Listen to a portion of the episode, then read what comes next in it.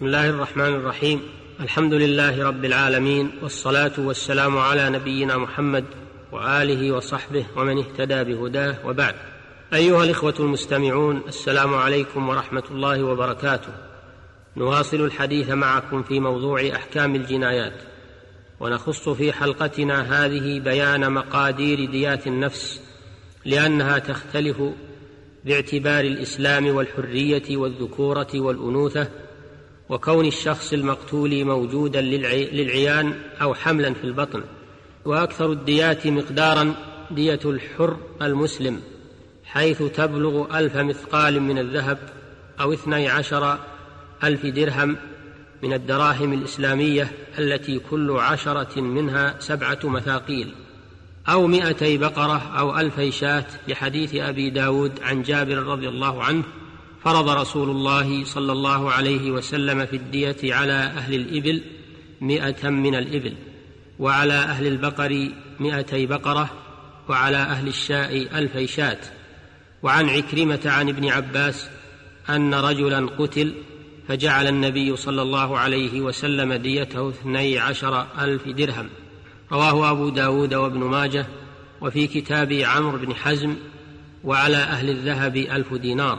رواه النسائي وغيره وقد اختلف أهل العلم. هل هذه المذكورات أصول للدية؟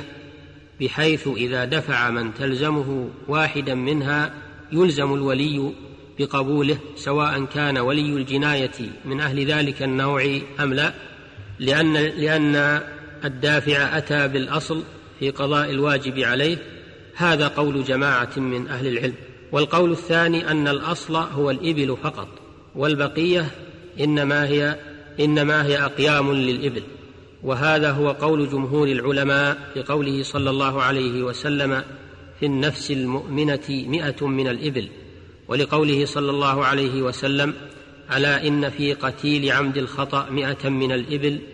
ولأبي داود أن عمر قام خطيبا فقال ألا إن الإبل قد غلت فقوم على أهل الذهب ألف دينار وعلى أهل الورق اثني عشر ألفا وعلى أهل البقر مئتي بقرة وعلى أهل الشاء ألفي شاة وعلى أهل الحلل مئتي حلة. ولأن النبي صلى الله عليه وسلم غلظ في الإبل دية العمد وخفف بها دية الخطأ فدل على أن الأصل هو الإبل. وأجمع على ذلك أهل العلم فهي الأصل وهذا القول هو الراجح. وعليه فيكون ما عدا الإبل من الأصناف المذكورة يكون معتبرا بها من باب التقويم. وتغلظ الدية في قتل العمد وشبه العمد فتجعل المئة من الإبل أرباعا خمس وعشرون بنت مخاض وخمس وعشرون بنت لبون وخمس وعشرون حقة وخمس وعشرون جذعة لما روى الزهري عن السائب بن يزيد قال كانت الدية على عهد رسول الله صلى الله عليه وسلم أرباعا خمسا وعشرين جذعة خمسا وعشرين حقة وخمسا وعشرين بنت لبون وخمسا وعشرين بنت مخاض. فإن جاء بالإبل على هذا النمط لزم ولي الجناية أخذها وإن شاء دفع قيمتها حسب ما تساوي هذه الأصناف في كل عصر بحسبه. وتكون الدية في الخطأ مخففة بحيث تجعل المئة من الإبل خمسة أنواع. هي عشرون بنت مخاض وعشرون بنت لبون وعشرون حقة وعشرون جذعة وعشرون من بني مخاض. هذه الأصناف أو قيمتها حسب ما تساوي في كل عصر بحسبه. وبنت المخاض هي ما تم لها سنة وبنت اللبون ما تم لها سنتان والحقة ما تم لها ثلاث سنوات. والجذعة ما تم لها أربع سنوات.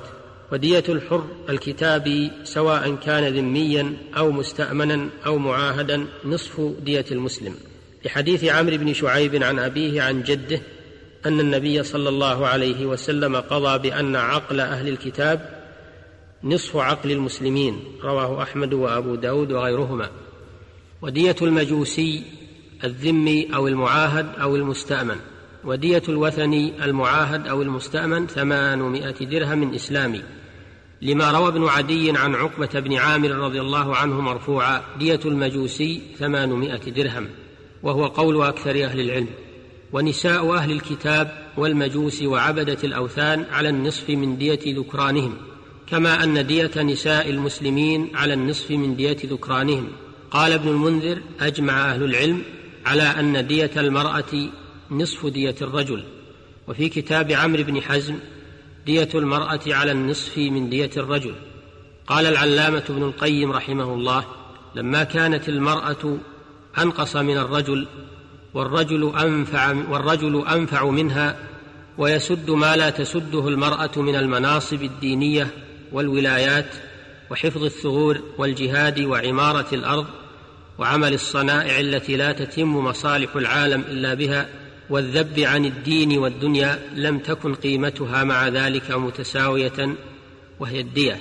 فإن دية الحر جارية مجرى قيمة العبد وغيره من الأموال فاقتضت حكمة الشارع أن جعل قيمتها على النصف من قيمته لتفاوت ما بينهما. ويستوي الذكر والأنثى فيما يوجب دون ثلث الدية لحديث عمرو بن شعيب عن أبيه عن جده مرفوعا عقل المرأة مثل عقل الرجل حتى تبلغ الثلث من ديته. خرجه النسائي.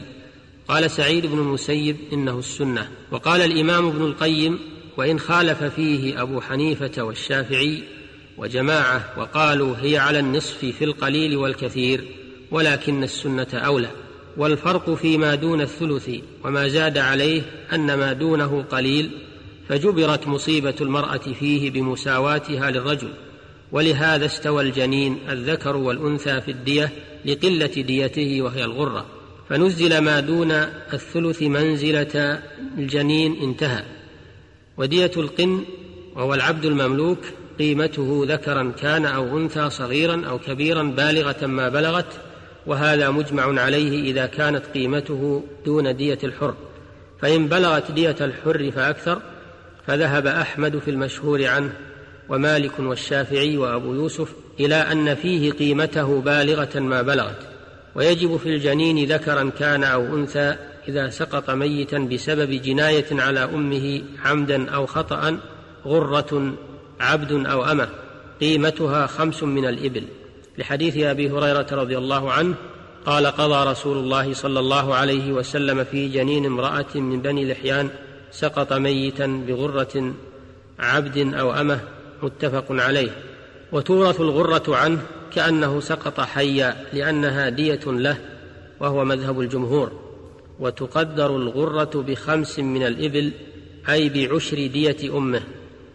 أيها المستمعون الكرام إلى الحلقة القادمة بإذن الله تعالى. والسلام عليكم ورحمة الله وبركاته. والحمد لله رب العالمين.